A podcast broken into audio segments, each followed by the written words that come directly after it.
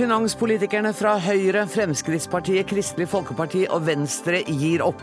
Nå overtar de parlamentariske lederne budsjettforhandlingene, og de møtes allerede om én time. Kunnskapsministeren vil flytte barn som mobber, til andre skoler. Forslaget er bare en politisk markering, mener Utdanningsforbundet. Ebolaepidemien kan være på vei tilbake. Liberia melder at tallet på smittede går ned. Og nå sender Norge hjelpearbeidere. Er vi for sent ute, spør vi, og helseministeren svarer.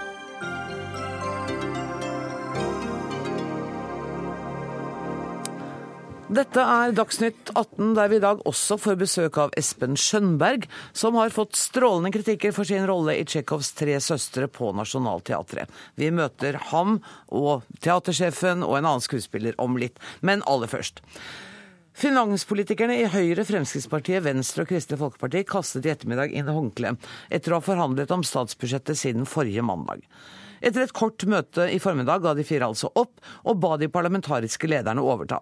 Og det er nettopp nå blitt klart at disse skal møtes om én time. Reporter Eva Marie Bulai, du står utenfor statsrådshallen på Stortinget der forhandlingene skal fortsette om en snau time. Vet du noe mer? Vi vet at det blir harde forhandlinger. Etter det NRK erfarer, så eh, skal fortsatt uh, Frp si at det å øke bensinavgifta er en hellig ku for dem, mens uh, Venstre på sin side presser på for å få gjennomslag for sitt grønne skatteskift.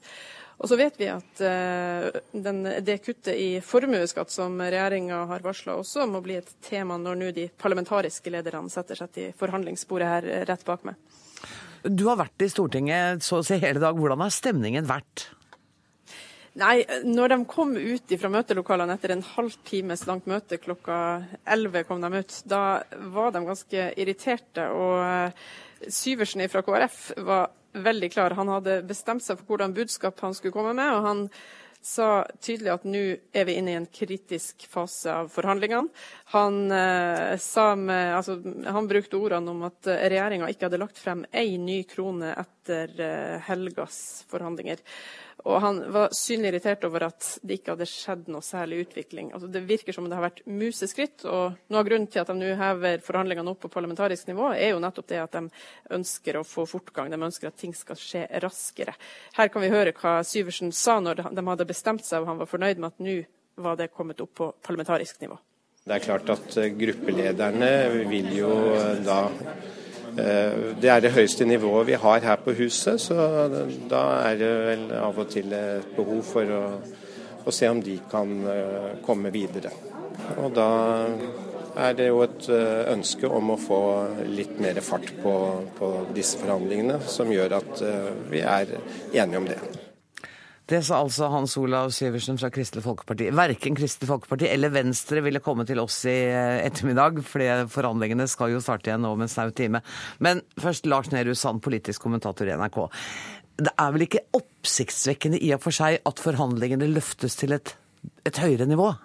Nei, det er det ikke. For det pleier å, å, skje i omfattende budsjettforhandlinger som dette. Det skjedde også med tilleggsproposisjonen i fjor. Mm. Men det som er oppsiktsvekkende, vil jeg si, er at det skjer på et tidspunkt i forhandlingene når så få detaljer som nå er avklart. Eh, ofte så pleier de politikerne som, som er mye mer allround-politikere og mye mer eh, lederskikkelser, mer å bli brukt til å avklare ting. Ofte alternativ A eller alternativ B eller så mye penger eller så lite.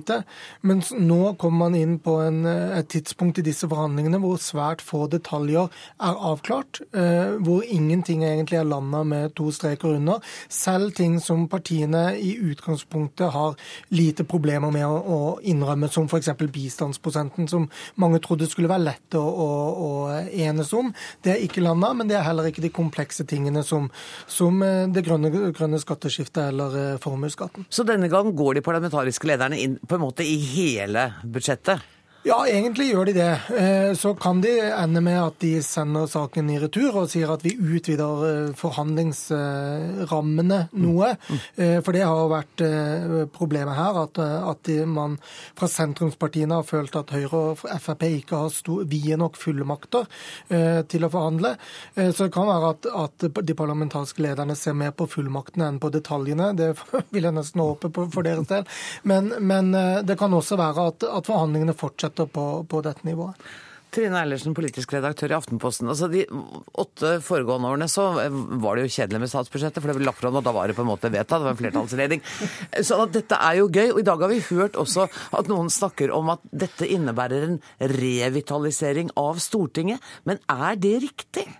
Ja, altså Det er jo det i den forstand at nå er det jo mange flere partier som, eh, som, får eh, ordentlig oppmerksomhet eh, rundt det de står for, den politikken de er opptatt av.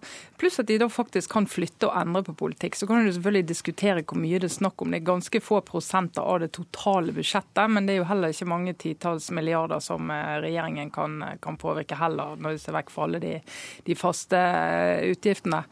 Men vi ser jo altså når KrF, Venstre skal forhandle med et Fremskrittspartiet og ser på Fremskrittspartiet og Venstre sin klima- og miljøpolitikk, så skjønner vi hvorfor dette er så vanskelig, hvorfor partilederne må inn nå. Det har jo ikke skjedd før det at et fløyparti som Frp sitter i en mindretallsregjering og skal finne en enighet med, med partier på utsiden. Det er jo mye mer krevende det enn hvis de partiene som sitter i regjering ligger noenlunde i sentrum og ikke må jobbe så hardt for å finne en enighet. Så dette er en illustrasjon på, på en ny type regjering. Ja, og så er det samtidig noe med balansen her i den innflytelse, hvis du tenker innflytelse i forhold til størrelse, mm. er det rimelig at et 5 %-parti skal ha så mye å si på et budsjett?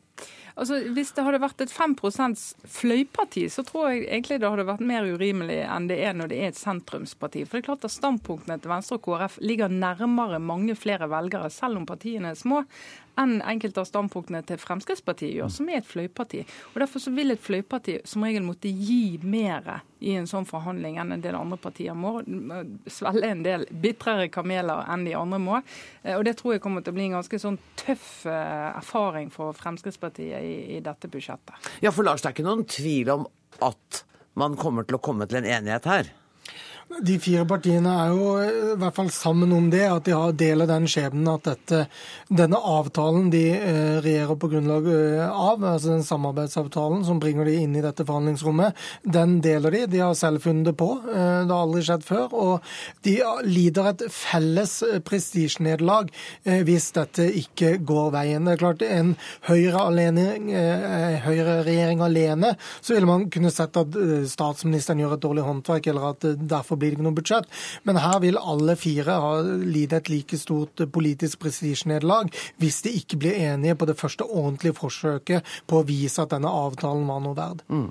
Og hvis de ikke får det til, så, så har jo ikke denne regjeringa noe livsgrunnlag? Nei, no, da, er det jo, da har en jo ikke tillit i, i, Stortinget. Men vi har allerede sett på meningsmålingene at velgerne er jo, er jo begynt å tvile. Mm. Uh, og De begynte å tvile etter at budsjettet ble lagt frem og, og, reaksjonene kom. Og Ingen av disse partiene den tvilen har ikke gagnet de. Det har gagnet ett parti, og det er Arbeiderpartiet. Og Dette vet jo alle de fire. og Hvis de, hvis de ikke greier dette, så skuffer de velgere som i fjor ga de et svært sterkt mandat. Mm. De ønsket et regjeringsskifte. De gikk til valg på at de skulle ha en, en borgerlig regjering hvis det ble borgerlig flertall. Så Hvis de skulle mislykkes nå, så er det en stor politisk skandale. Men øh, dere kommer til å følge med utover kvelden. Er det realistisk å tro at det kan komme en løsning i kveld? Jeg synes det høres vanskelig ut. Jeg tror, eh, altså Det Lars er inne på om at eh, det kan hende de tar opp eh, både mandatet og forhandlingsfullmakter. Det er så mye som gjenstår. Mm. Så ser det ut som de trenger en god del bedre tid på seg. Vi må smøre oss med tålmodighet. Kan vi avtale at vi møtes her i morgen? Det passer for meg. Kjempefint. Tusen takk for at dere kom, Lars Nehru Sand og Trine Eilertsen. Dagsnytt 18 alle hverdager klokka 18. På NRK P2 og NRK2.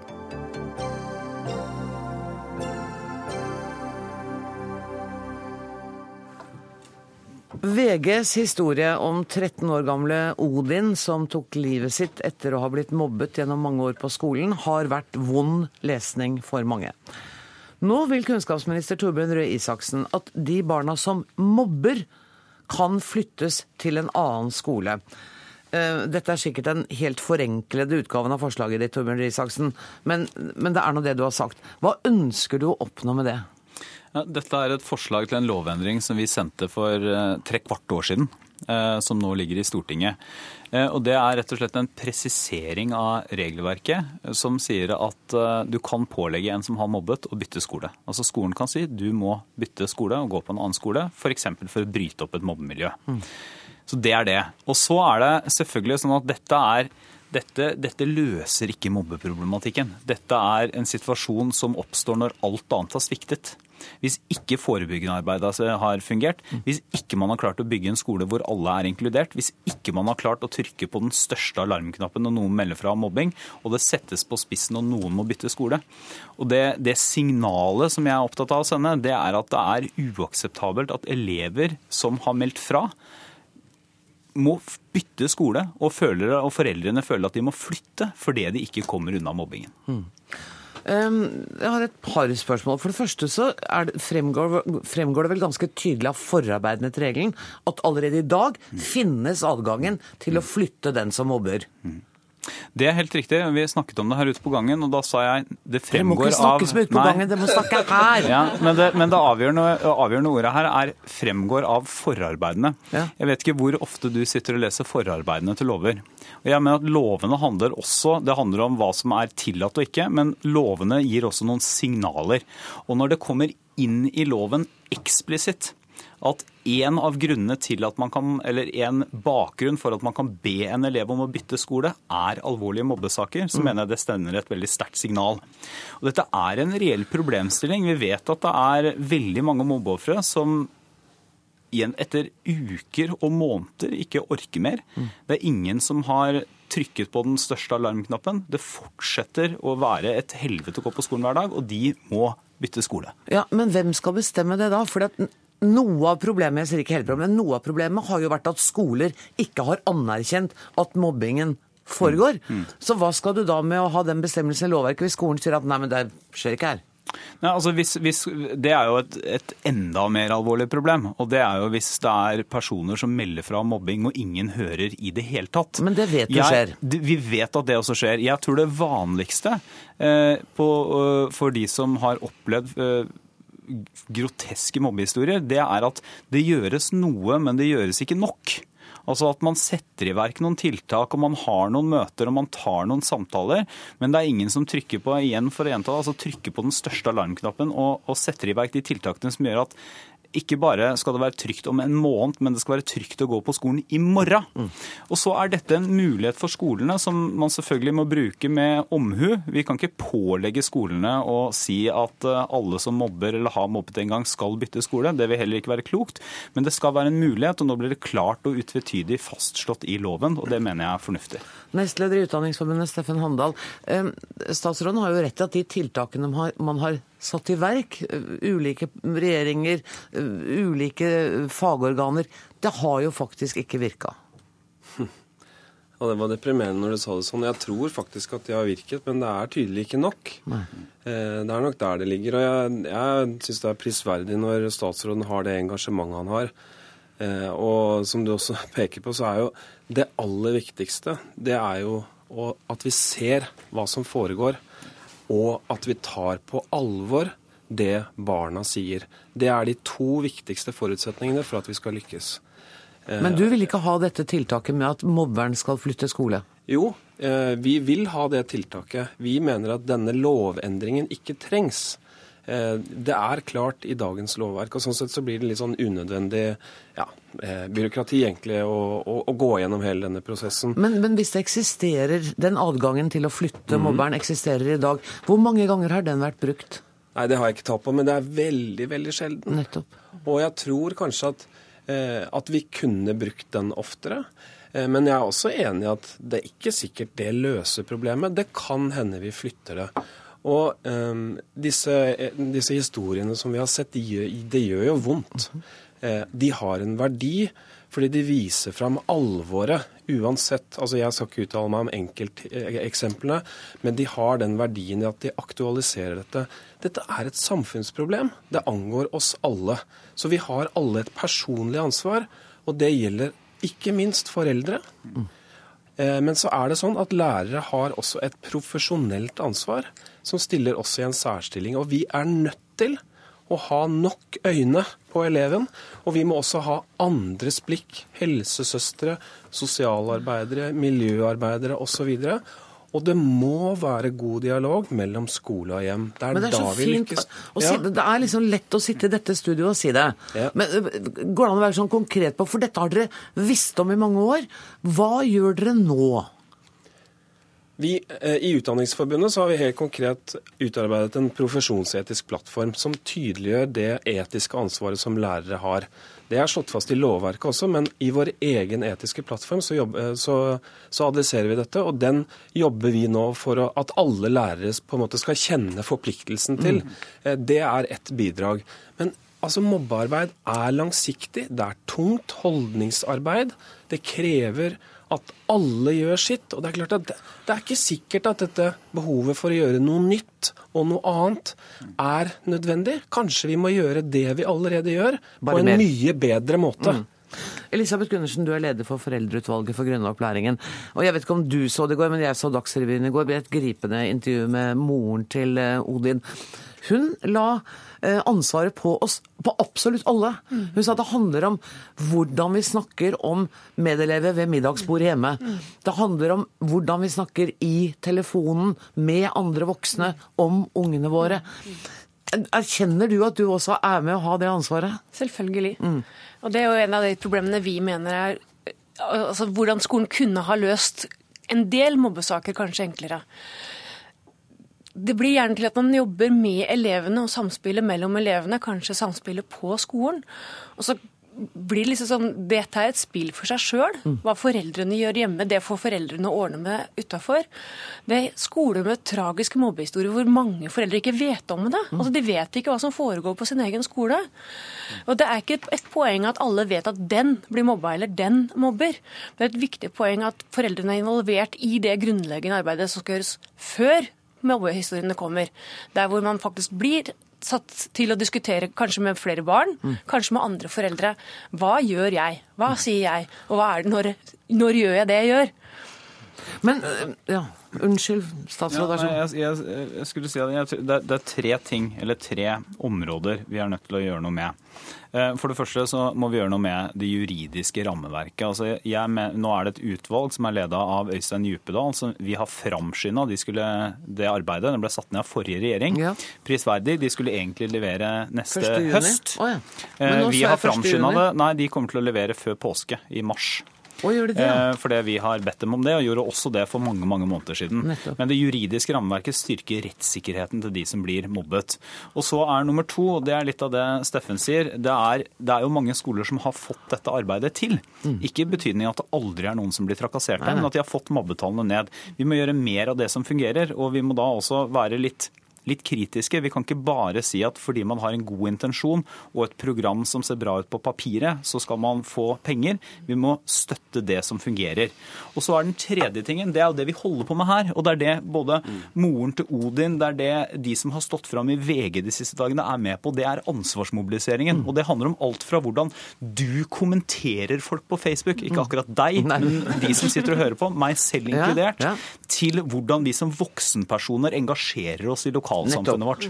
Eh, Da har jeg bare et kjapt spørsmål til deg før vi går tilbake til det andre. Eh, Siden dette, dette Djupedal-utvalget skal levere til påske, hvorfor haster det så fælt å få til den flytteregelen? Nei, den, den, eh, det- foreslo vi for tre kvart år siden. Ja, det og det er for, at for Høyre og Fremskrittspartiet så vi har alltid sagt at prinsippet skal være at hvis noen skal bytte skole, så er det mobber. Mm. Dette var en god og klar og tydelig måte å få fram det prinsippet på, som jeg mener vil nå fram på en helt annen måte enn at det er en mulighet for det som står omtalt i forarbeidene til Elisabeth loven. Gundersen, jeg må bare spørre deg hva du syns om dette med å flytte den som mobber. Altså I ytterste konsekvens, i meningen at dette skal skje hele tiden, men altså Statsråden mener Jeg må jo si at jeg syns man har gjort en god jobb hvis man klarer å peke ut mobberen med stor bokstav. Problemet er jo at mobbing er et resultat av stort samspill mellom mange. Eh, og Derfor så sier vi at vi er positive til muligheten til å flytte eleven, kanskje på grunnlag av den loven som allerede er der, sånn, som et siste tiltak når man klarer å finne mobberen.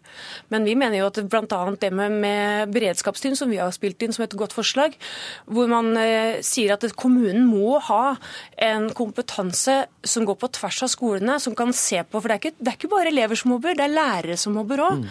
Å kunne gå ut av lærerværelset og kunne se på skolen ovenfra og utenfra og komme med innspill på gode tiltak. Og beredskapsteam har dere god, god erfaring med? Vi har god erfaring. Vi har lite erfaring, dessverre, mm. men vi driver og bygger på det nå. Ja, jeg jeg syns det med beredskapsteam er interessant, men eh, retts, eh, rettsavgjørelsene i, i, mobbesaker kan tyde på at, eh, at vi ikke er lydhøre nok. Mm. Altså at skolens folk ikke er lydhøre nok for de som opplever dette. Mm. Og i Dagsavisen i dag så ble det adressert dette problemet at skoler kan være opptatt av å beskytte omdømmet sitt. Altså, hvordan, hvordan, skal vi adressere det? Mm. Det, det syns jeg vi også bør snakke om. Foreldre altså, som ringer oss, forteller jo at skolen sier det er ikke mobbing på vår skole. Og, og, og, hvordan skal vi på en måte eh, la det være normalen at noen går ut og sier på vår skole foregår det mobbing. Vet dere hva? Og dette skal dere få lov å snakke mye mer om nå på utsiden av denne glassveggen, for jeg har tenkt å kaste dere ut. Og nå, nå, nå, har jeg gjort et unntak akkurat nå, så nå skal dere få lov. Tusen takk for at dere kom, Torbjørn Røe Isaksen, Steffen Handal og Elisabeth Gundersen.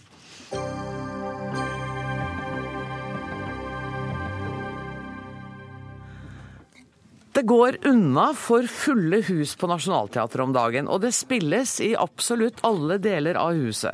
På hovedscenen, på amfi, på malersalen og ikke minst på bakscenen.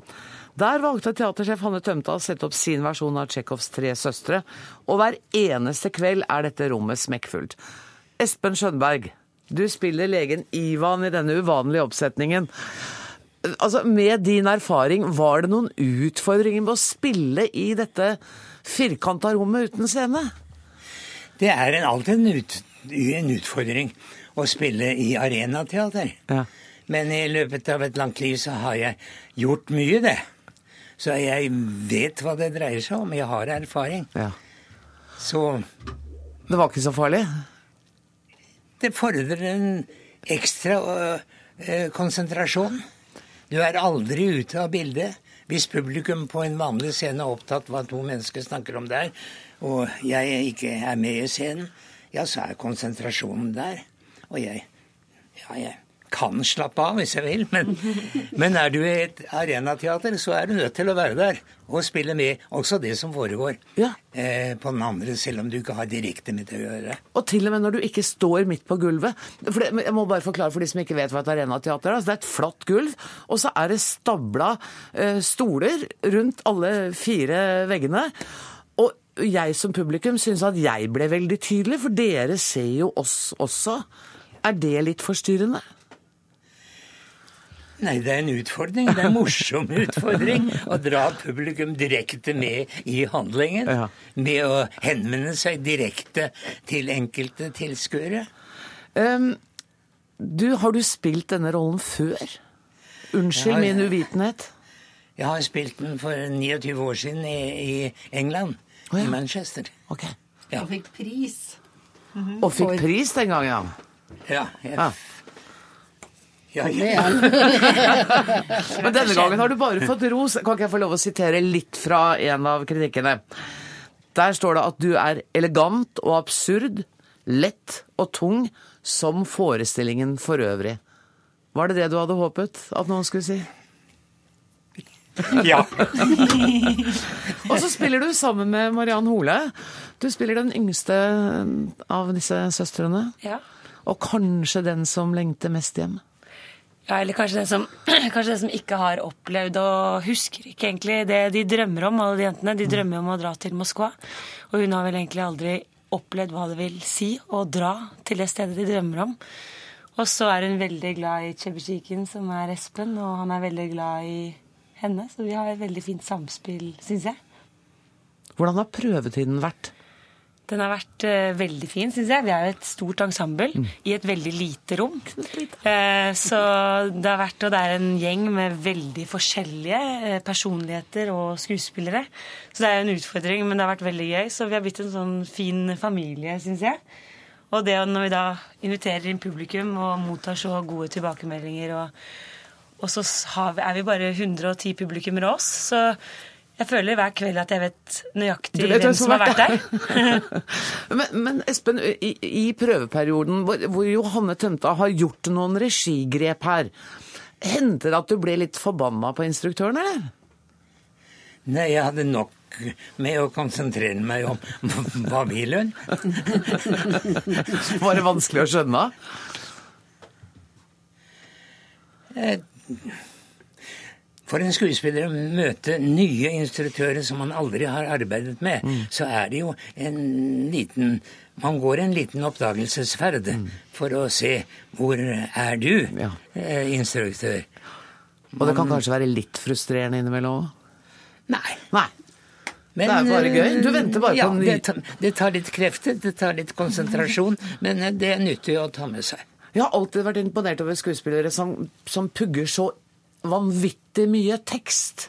Og det gjør dere jo. Dette er jo et snakkestykke. Har du noen knep å lære bort?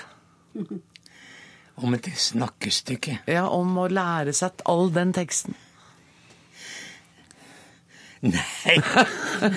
bare jeg bare husker at fra min ungdom så gikk det nokså fort, nokså greit.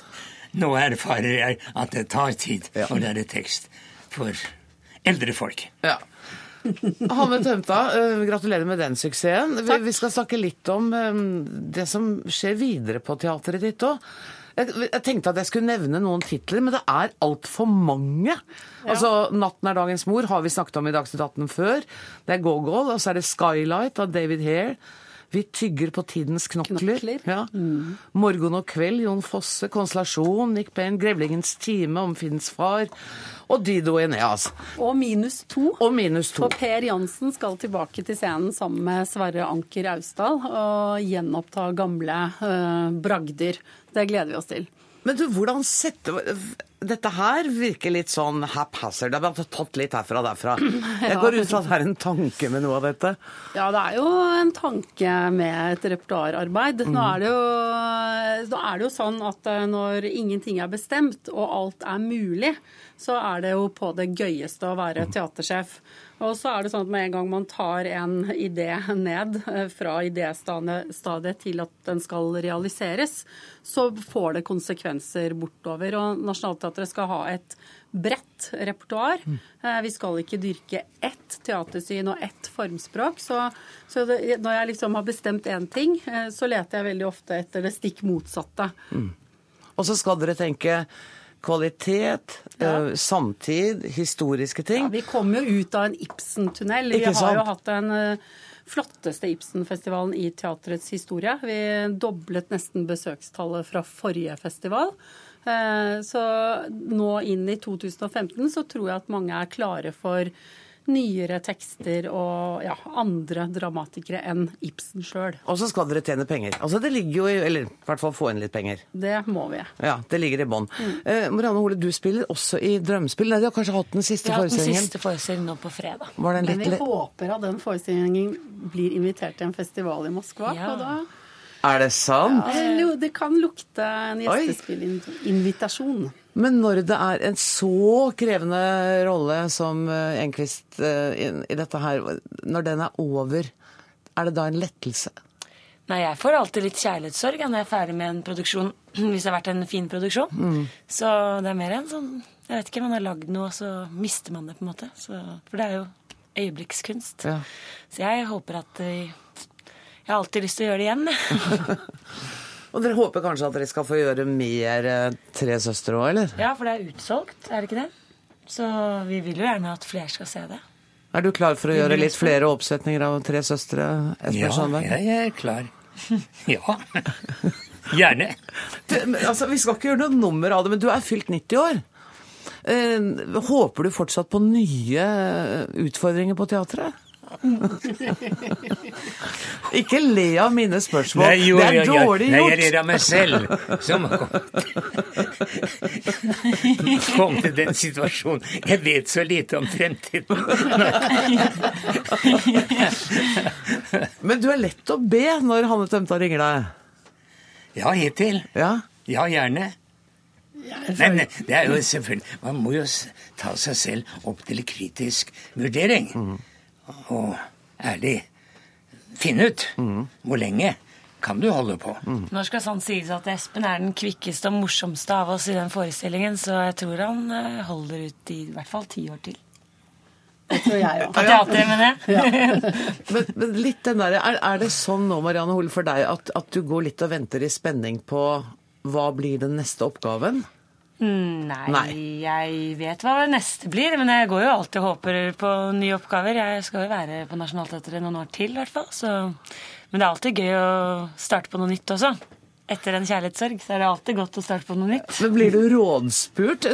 Spør liksom Hanne deg og, og kaster fram tre roller og sier hvilken av disse har du mest lyst på? Eh, Nei, det gjør hun ikke. Men av og til så er det sånn at man eh, at man er noen ting man har mer lyst til å være med på enn andre. At man kan hinte litt om at det har jeg lyst til å gjøre. Så ja. Er, det, er du helt enerådende når det gjelder eh, rollebesetning? Nei, det er jeg jo ikke. Eh, For det første så har jeg jo det ensemblet jeg har. Mm. Men du kan leie inn folk, kan du ikke det? Ja, men eh, det er ikke så mange, i Nei. tillegg til de som er eh, ansatt på teatret, enten som faste eller på lengre kontrakter. Og så er det de regissørene som kommer, eh, og så er det de rommene vi skal være i, og prosjektenes eh, kjerner. Så det er ganske mange og lange diskusjoner rundt hvem som kan gjøre hva. Og så tenker jeg at teatret på en måte har en oppgave i å kanskje utfordre stereotypiske holdninger da, til, til hvordan en lege ser ut, eller hvordan en fattig skal være. Altså de tingene der. Og, og så er det jo ofte at eh, noen viser fort hva de er veldig gode til, og så blir de ofte brukt til det samme. Og da liker jo jeg i hvert fall å åpne nye sider hos mennesker for et publikum og for regissører. Så ja, det er eh, en prosess. Helt til slutt, bare litt mer om Tre søstre og, og Espen. Da jeg satt og så det, så det opplevdes som så nært mitt eget liv. Og så tenkte jeg det er litt rart, fordi det er så gammelt, og det handler om et miljø jeg ikke kjenner. Men opplever du også nærheten i teksten når du spiller? Ja, jeg gjør det. Gjenkjennelsen ligger der, ligger der eh, kloss til, til, til teksten hele tiden. Du har parallelle opplevelser i ditt eget liv til alt som skjer i stykket. Han var bortimot genial, han var genial. Ja. Han var genial. For det må jo være nesten en forutsetning for å kunne gjøre stykket godt. At det er noe der som dere kjenner igjen, Mariann. ikke sant? Ja. At det må være noe i Men det er veldig mye Tsjekhov. Jeg har alltid elsket Tsjekhov. Jeg syns at det er veldig mye gjenkjennelig. Det er den lengselen etter livet og etter at ting skal starte. og etter kjærligheten. og Det er veldig sånn vakkert og veldig godt skrevet. Veldig godt skrevet. Han avslører, han forteller oss hvordan vi er. Men han gjør det med et varmt, varmt hjerte. Det er det som gjør ham så elsket som dramatiker. Skarp iakttager, men ser med kjærlighet på menneskene. Det siste der kunne nesten vært en beskrivelse av deg, det, Espen. Kjære venner, denne lille stunden er over. Tusen takk for at dere kom. Takk til Marianne Holet, til Espen Skjønberg og til Hanne Tømta.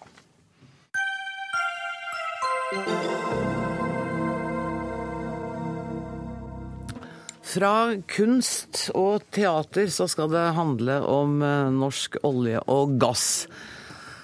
Jeg bare skal vente med å si resten til jeg får begge gjestene mine inn i studio. Velkommen. At norsk olje og gass ikke går så det griner lenger, det har vi fått med oss. I helgen viste Dagens Næringsliv til tall fra DNB Markets, som igjen viser at mellom 7000 og 7300 stillinger har forsvunnet i bransjen hittil i år.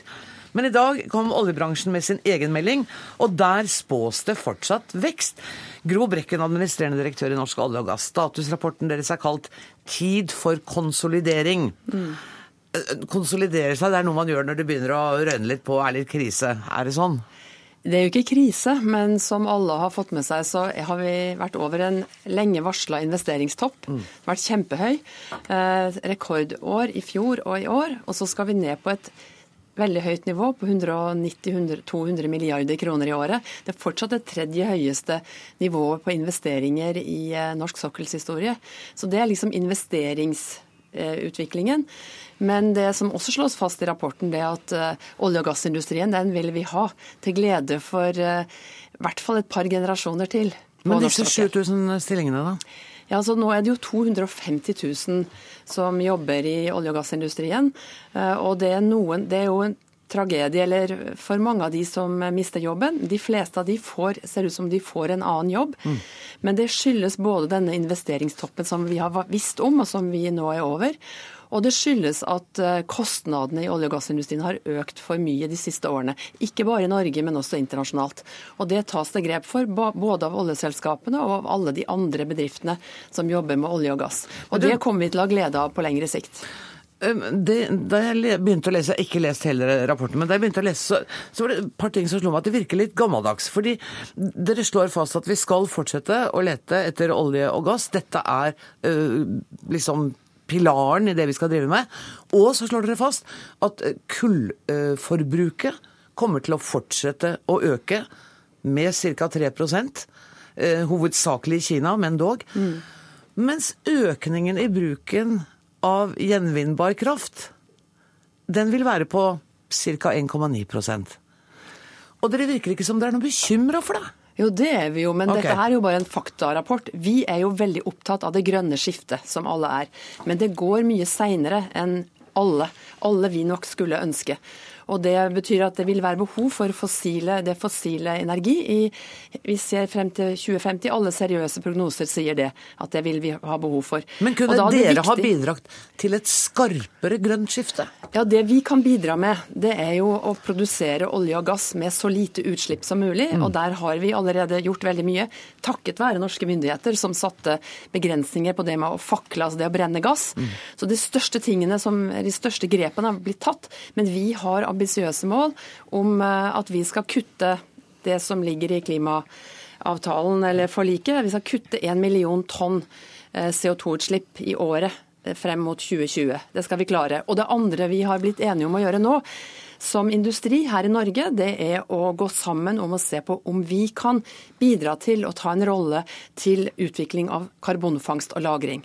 Og Det er to ambisiøse mål som er bare for oss. Men ellers så handler det veldig mye om her i Norge mm. at vi må bli mer effektive i å bruke av fossil energi. Bruke mindre til transport, og bruke mindre til, eh, til andre ting hvor fossil energi inngår.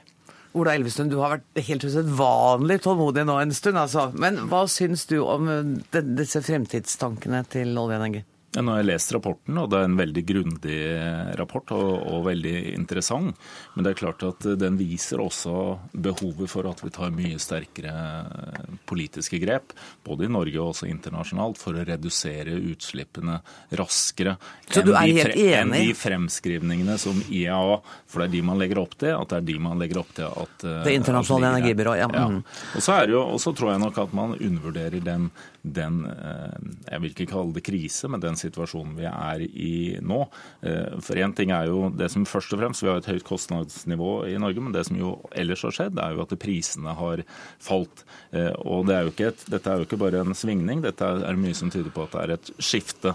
I og med at USA nå er blitt mer eller mindre selv, selvforsynt, både med gass og olje. Og etter hvert som vi også må redusere den fossile bruken internasjonalt med 80% så er det jo prisen som kommer til å avgjøre hvilke felt som kommer til å hentes opp i framtida. Allerede i dag så jo, er jo problemstillingen at mange av de feltene vi nå finner, de krever en oljepris på, på 80 dollar fatet, omtrent. Men det er jo der den omtrent ligger? Ja, i dag. Ja. Men etter hvert som da vi trenger å, å, få ned forbruket, og det sier også fremskritt at forbruket skal ned, og vi må presse det så raskt som vi klarer, så er det jo prisen som vil avgjøre hvordan dette skal, hvordan, hvor det vil fortsatt være produksjon. Vet du hva, Du overrasker meg litt, for jeg trodde at du ville kommet litt i den retningen av at Norge må bidra mer til eh, redusert kullforbruk. Vi må bidra Altså at du var mer der. Nei, vi skal gjøre det. Litt, altså, ja, kom igjen, fordi at det er jo noe med Kull og gass og olje har jo helt forskjellige anvendelsesområder. Kull kan erstattes med gass og det har vi masse av. Vi har masse gass, og det vil gjøre at klimautslippene går mye ned. Ja. Og Nå er Europa bekymra for om vi kan levere gass etter 2020. Mm. Så de er opptatt av at vi, at vi, kan vise frem planer for utbygging og drift av gass, eh, som vi kan levere til Europa. Når det gjelder olje, så er det en helt annen situasjon. For olje har en helt annen eh, bruk. Den går ikke til å brenne, lage strøm, sånn som det vi ofte snakker om her på fornybar, men den går hovedsakelig til transport. Og Der er det helt enig at det trengs politisk vilje, mm. men det trengs også politiske, nei, teknologiske nye løsninger som vi ennå ikke har. Ja, men SAS har jo begynt å fly med biodiesel. Ja, vi kan, kjøre med, vi kan kjøre med naturgass. Jeg syns at politikerne burde pushe for mer bruk av naturgass på, til skip og ferger og til tungtransport. Det ville gjort Norge må, ta en, ja, Norge må ta en ledende rolle på omstilling, men så er det tre konkrete diskusjoner som er her nå. Det ene er at vi skal holde oss unna petroleumsvirksomhet i sårbare områder. Lofoten, Vesterålen og Senja, Mørebanken. Nå er det en diskusjon om, om iskanten. Innenfor iskanten skal vi ikke ha petroleumsaktivitet. Og så må vi kutte utslippene. altså CO2-avgiften må opp på sokkelen. fordi det viser, det viser diskusjonen om Utsira at den, slik den er i dag, så fører ikke den til nok reduksjon. Og Så er det det tredje, vi må passe på at vi ikke feilinvesterer. Mm. Og Da må vi se på den subsidieringen av oljeleting som vi nå har har. For nå tar omtrent staten omtrent all risiko ved leiting etter olje. Mm. Og det var rasjonelt til en tid hvor du forventa at du skulle hente opp det du fant, og så fikk du oljeinntekter. Men i dag hvor det ikke er en forventning om at alt det du finner, det vil vi hente opp, så må vi ha en helt annen risikofordeling mellom staten og selskapene. Og Gjør du de endringene, så vil det selvfølgelig også påvirke aktiviteten. Er du for de endringene der? Nei, jeg er helt mot dem, men jeg mener også at de er uheldige. Altså Det med CO2-avgiftene er jo veldig uenige også hensyn til klima. Fordi ambisjonene som EU nå har lagt frem om kutt til 2030, de, de kommer til å innebære at kvoteprisen går opp. Altså Nå kjøper norsk oljeindustrien både kvoter og betaler CO2-avgift. Og det er jo mye mye viktigere at kvoteprisen går opp, mm. eh, slik at CO2-utslippene går ned i Europa. Da får vi mye større kutt. Og helst at vi får en internasjonal CO2-pris, slik at alle går opp fra kull og over til naturgass eller noe som er enda for mer fornuftig. Da får vi grønt skifte. Men vi investerer altså nå 200 milliarder i året i petroleumssektoren. Og da på en utvikling som vi jo egentlig ønsker å snu, og også at vi skal være en del av det store grønne skiftet. Og Da er det rasjonelt at du har en annen risikofordeling, sånn at vi kan bruke mer av de investeringene inn i fornybar energi, inn i en annen grønn retning, som jo er det vi ønsker å drive fram, og som vi er nødt til å få til. Der fikk du siste ordet i dag. Du fikk ikke det første, men du fikk det siste. Gro Brekken, tusen takk, og takk til Ola Elvestuen. Hør Dagsnytt 18 når du vil. Radio NRK NO.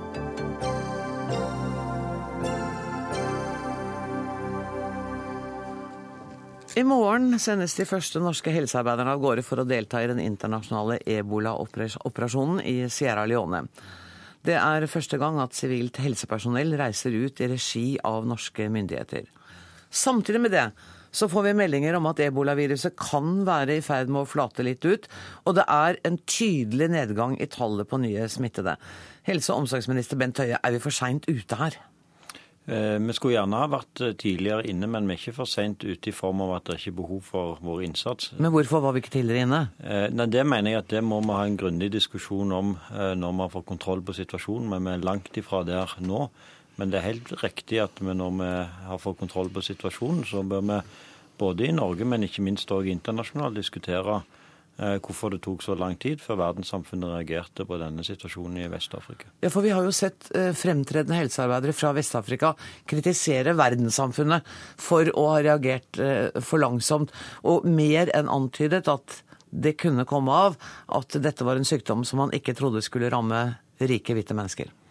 Ja, jeg tror at det som jo er viktig her, det er jo at eh, vi har eh, bl.a. Verdens helseorganisasjon og eh, FN-systemet som er nettopp for å kunne mobilisere eller gi beskjed i sånne situasjoner. Og så ser vi jo at dette var en situasjon der det hadde vært behov for sannsynligvis en større innsats og utover de humanitære organisasjonene på et tidligere tidspunkt. Men jeg tror ikke vi skal bruke tiden nå. Nei, vi skal ikke det. Nå skal vi snakke om den gleden ved at vi nå sender norske ut. Konsentrere oss om å faktisk bidra. Hvor mange er det som reiser? Ja, nå eh, I eh, første omgang så er det jo da i underkant av 20 eh, som nå reiser til York for å få den opplæringen som skal til, og så videre til Sierra Leone. Og vi jo en, ser jo en stabilisering i Liberia, men i Sierra Leone ser vi jo dessverre ikke det, så det er behov for en betydelig innsats. Den opplæringen i Storbritannia, er den langvarig? Eller når kan de, liksom, når kan de være i felt? Ja, Det er jo avhengig av når den det britiske helsestasjonen helsestasjonet eh, er på plass. Men det er vel antydet at det skal være i begynnelsen av desember. Så dette er et De reiser til Storbritannia og får trening, og så vil det være i regi av Storbritannia at de er i Sierra Leone også? Ja, det er, jo, det er jo i regi av Norge, men inn i det britiske initiativet. og Det var jo òg litt av forutsetningen for at vi og eh, kunne sende norsk helsepersonell eh, til dette området, det var at vi går inn i et samarbeid med et større land som eh, er der med på å lage den systemene og den sikkerheten mm. som skal være rundt helsepersonell. For vi må bidra, men vi må òg være trygge på at når vi sender helsepersonell til en såpass risikofylt operasjon, at vi gjør det innenfor et system som gir de best mulig sikkerhet. Flere enn 300 helsearbeidere meldte seg. Var du overrasket over at tallet var så høyt?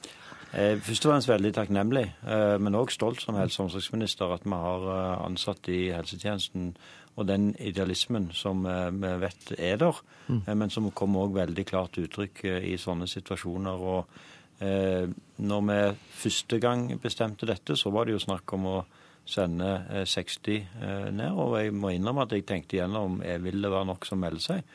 Og så så vi den fantastiske responsen, og det er vi veldig takknemlige for. Og det ga òg Stortinget tverrpolitisk uttrykk for i dag når vi hadde redegjørelsen. Hva er grunnen til at vi bare sender 20? Eh, ja, Vi starter eh, med, med, med, med, 20. altså Det tror jeg kanskje direktoratet du, vet svare hva? Ja, assisterende helsedirektør Cecilie Da, velkommen hit. Ja, hva er grunnen til at vi nå sender 20, og hvor mange har vi tenkt å sende totalt sett?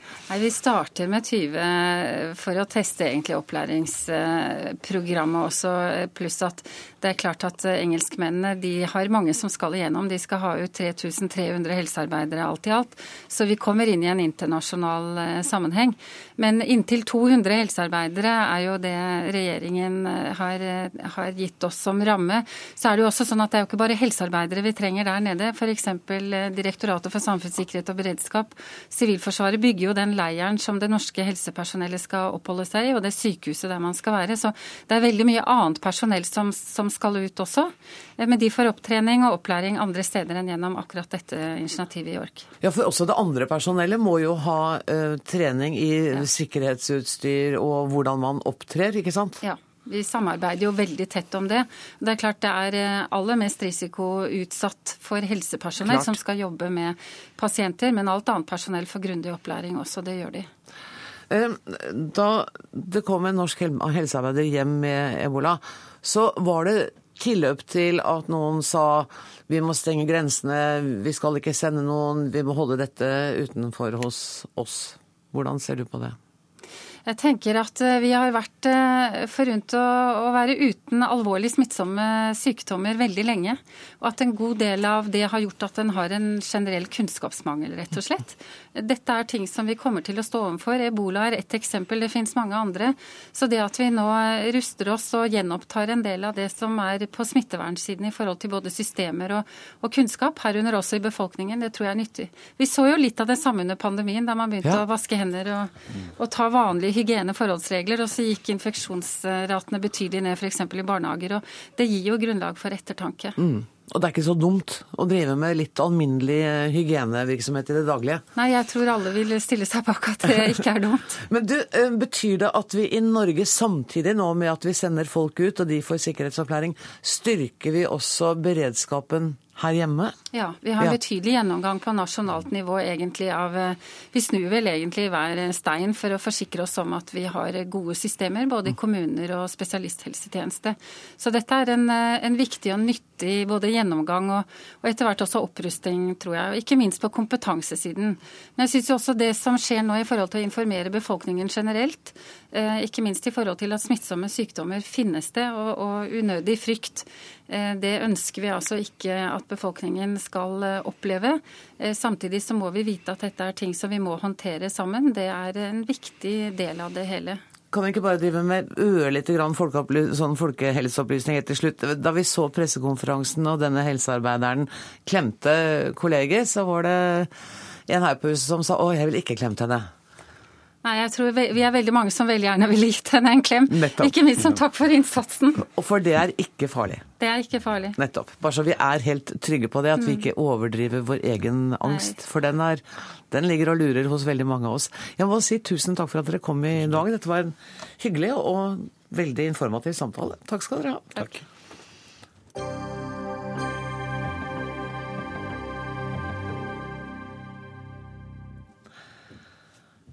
Er vi interessert i at utenlandske selskaper skal eie f.eks. norske barnehager? Det kan bli tilfellet hvis regjeringens nye handelsavtale om tjenester går i boks. I hvert fall hvis vi skal tro Senterpartiet.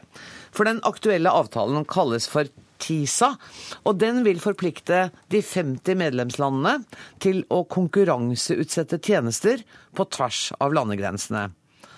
Jeg hører at dette kan bli vanskelig. Bård Glad Pedersen, du er statssekretær i Utenriksdepartementet. Hjelp meg nå. Hvorfor er denne avtalen så viktig for Norge? Det er ikke bare vanskelig, det du sa var til og med feil. Nei, hva er det, eh, hva er det som er feil? Dette er en avtale, eller det er forhandlinger mellom 50 land ja. for å få til regler for å kunne handle med tjenester på tvers av uh, landegrenser. For Så å få langt til er det mer helt i tråd med det jeg sa. handel. Men det innebærer overhodet ingen uh, plikt for oss til å privatisere noen tjenester, eller til å ta, la utenlandske eiere kjøpe offentlige tjenestetilbydere, eh, eller eh, noe av det. Dette er en frivillig avtale Nettopp. for å få til mer handel med tjenester. Det er veldig bra. Eh, og det er særlig bra for Norge, fordi vi har et næringsliv som eksporterer eh, tjenester, som er konkurransedyktig på det, og som vil tjene stort på bedre adgang til markeder for eh, tjenester. Jeg vil fastholde at du ikke korrigerte meg på en eneste feil, men jeg siterte Senterpartiet på at det kunne bli tilfellet. Det er ikke noen tvang her. Men hva slags tjenester er det Norge kan tilby utlandet som de står og sulter etter? Ja, Det er på en lang rekke områder. Vi eh, hadde jo en debatt eh, tidligere i dag her om, om norsk oljevirksomhet. Mm. Leverandørindustrien er jo en stor eksportør av tjenester. Arkitekttjenester, banktjenester. Det kan være en lang rekke eh, områder. Norge som marked er jo i ganske stor grad allerede åpent for utenlandske eh, tjenestetilbydere. Og vi har jo allerede tatt på oss forpliktelser på dette området, eh, som ulike regjeringer har levd godt med i mange år, inkludert den som Navarsete var en deler. Mens vår adgang til markeder utenfor Europa er mer varierende. Vi har handelsavtaler med noen land, men dette er et forsøk på å få det med eh, flere. Med 50 land. Eh, Liv Signe Navarsete, hva er det du er så opprørt over i denne, denne avtalearbeidet som pågår? For det er jo ikke noen avtale, det er forhandlinger som pågår nå. Og Det er veldig viktig. Eh, at, eh, og Derfor er det viktig å få opp en diskusjon nå om innholdet i den avtalen, slik at vi kan eh, påvirke det innholdet før at en kommer til et punkt der Stortinget får seg forelagt en avtale med ticket og kanskje korte tidsfrister for å godkjenne den. Eh, lekkasjer som kommer, for dette er jo hemmelig, må vite. Mm. Og jeg kan jo utfordre statssekretæren på om vi kan få litt mer offentlig informasjon om mm. det som nå skjer. Mm. Eh, fordi Vi visste jo hva som var på en måte utgangspunktet, men i en avtale så blir det forhandla underveis. Mm. Eh, så posisjonene kan være helt annerledes nå enn det, som, det de var. Og det som har kommet fram fra de som jobber veldig mye og tett på dette, er jo nettopp at det er klausuler som blir forhandla om, som vil bety at eh, en får sterke restriksjoner på styresmaktene styresmaktenes mulighet til å opprettholde offentlige tjenester uten å konkurranseutsette dei. Eh, og det mener jeg at eh, vi fortjener å ta en skikkelig debatt omkring. For jeg tror faktisk ikke det norske folk ønsker seg ei utvikling der vi som nasjonale folkevalde ikke skal styre de viktige velferdstenestene. Det kan være helt bredde. Det handler ikke bare om barnehager. Det er alt fra vassforsyning til eldreomsorg. altså veldig stor. Og hvis statssekretæren nå kan sier til meg at han kan garantere at regjeringen ikke vil legge fram en avtale der en går til det skritt å tilrå konkurranseutsetting av slike tjenester og privatisering, så vil jo det være et stort steg framover, eh, tenker jeg. Men da vil jeg gjerne få de garantiene. jeg skulle ønske han ikke sa ja, for da må jeg avslutte sendinga seks minutter for tidlig. Ja, men når, man, når man hører på eh, Navarsete, så skulle man jo ikke tro at det var den rød-grønne regjeringa som starta disse forhandlingene, men det var det jo faktisk. Det var den regjeringa du satt i, som så på at nå starta det forhandlinger om disse tjenesteavtalene. Så vurderte man er det i Norges interesse å delta i de forhandlingene, eller er det ikke? Og konklusjonen den rød-grønne regjeringa trakk, er at det var det. Det er etter mitt skjønn en knakende god eh, beslutning, for det er definitivt i Norges interesse. Og de påstandene som kommer opp nå om at nei, vi får ikke frihet til å regulere offentlig sektor, vi blir pliktig til å privatisere, eh, de er jo heller ikke nye. De kom også da den rød-grønne eh, regjeringa satt. og Da var det en av de rød-grønne statssekretærene som skrev et innlegg i avisen der han sa Tjenesteforhandlinger innebærer ikke krav til hvordan vi organiserer offentlig sektor, eller til privatisering. Det er helt riktig da, og det er helt riktig nå. Men hva Dette innebærer ikke- det krav til, da? Hvis det ikke innebærer noen krav på noen fronter? Det innebærer eh, krav til å ikke diskriminere utenlandske tjenestetilbydere på områder der vi åpner for dette. Og hvilke Norge- områder er det? Ja, Norge har jo i veldig stor grad allerede åpna for dette. Mm. Eh, delvis gjennom eh, WTO-avtaler fra 90-tallet, og så også EØS-forhandlinger. Sånn at Norge som marked er jo veldig åpent. Andre land har ikke påtatt seg like store forpliktelser.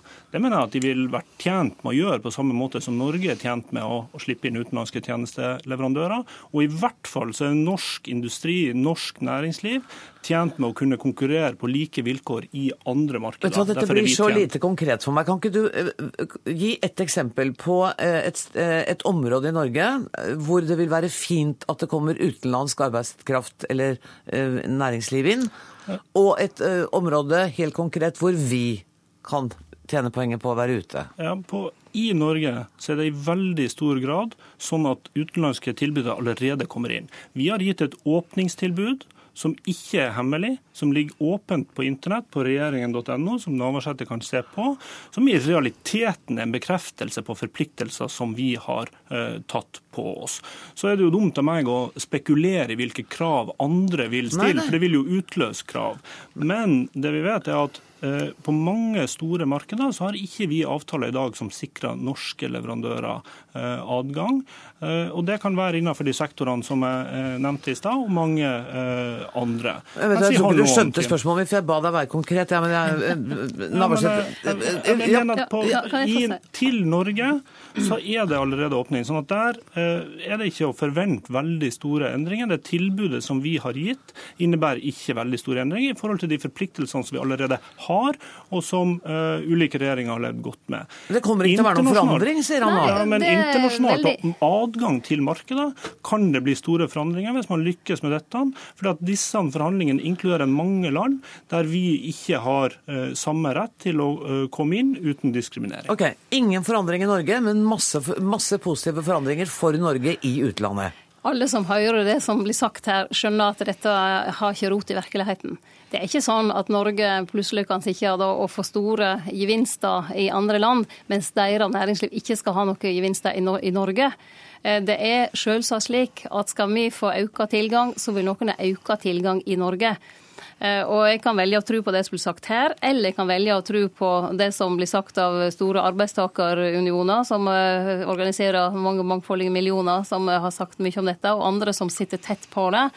Som sier at alt ifra arealplanlegging, vannforsyning, energiproduksjon, miljøverntiltak, bruk av naturressurser altså Bare for å ta det som et lite, en bare liten bit av tjenestesektoren, eh, som i dag blir forvalta av kommunale og fylkeskommunale organ, eh, kan bli eh, utsatt for krav om at selskap fra utlandet som har interesse for dette og ønsker å investere i det. Ja, nå er det jeg som har ordet. Eh, Norge har hatt ulike, ulike handelsavtaler tidligere. Eh, vi har hatt ulike avtaler på godt og vondt, der en har sett at eh, private interesser har kommet på bekostning av offentlige. Vi har sagt nei til en del av det òg. Vi blant annet nei til EU, som var en gigantisk avtale knytta nettopp til at markedskrefter skulle overta for eh, politiske organ. Denne avtalen er all grunn til å stille store spørsmålstegn ved. Og jeg ønsker meg ifra statssekretæren at han, ja, men altså, han, må kunne, han svarer ikke på spørsmålet mitt om hvorfor det må være hemmelig. Han svarer ikke på spørsmålet om, om han vil garantere at uh, disse tjenestene skal være på offentlige hender fortsatt. Han har sagt at det er ikke hemmelig, og vet du hva? Ja, men det er det. Og det er samme Altså, hva dere gjør nå. Om 15 sekunder blir vi tatt av lufta. Jeg må skynde meg å si Hvis det hun sa var riktig, hvorfor starta de forhandlingene? Den rød-grønne beslutta jo det. Tusen takk for i dag. Eh, Ansvarlig i dag var Andrea Kvamme Hagen. Teknisk ansvaret hadde Frode Thorshaug. Jeg heter Anne Grosvold, og med et smil kaster jeg gjestene ut av studio.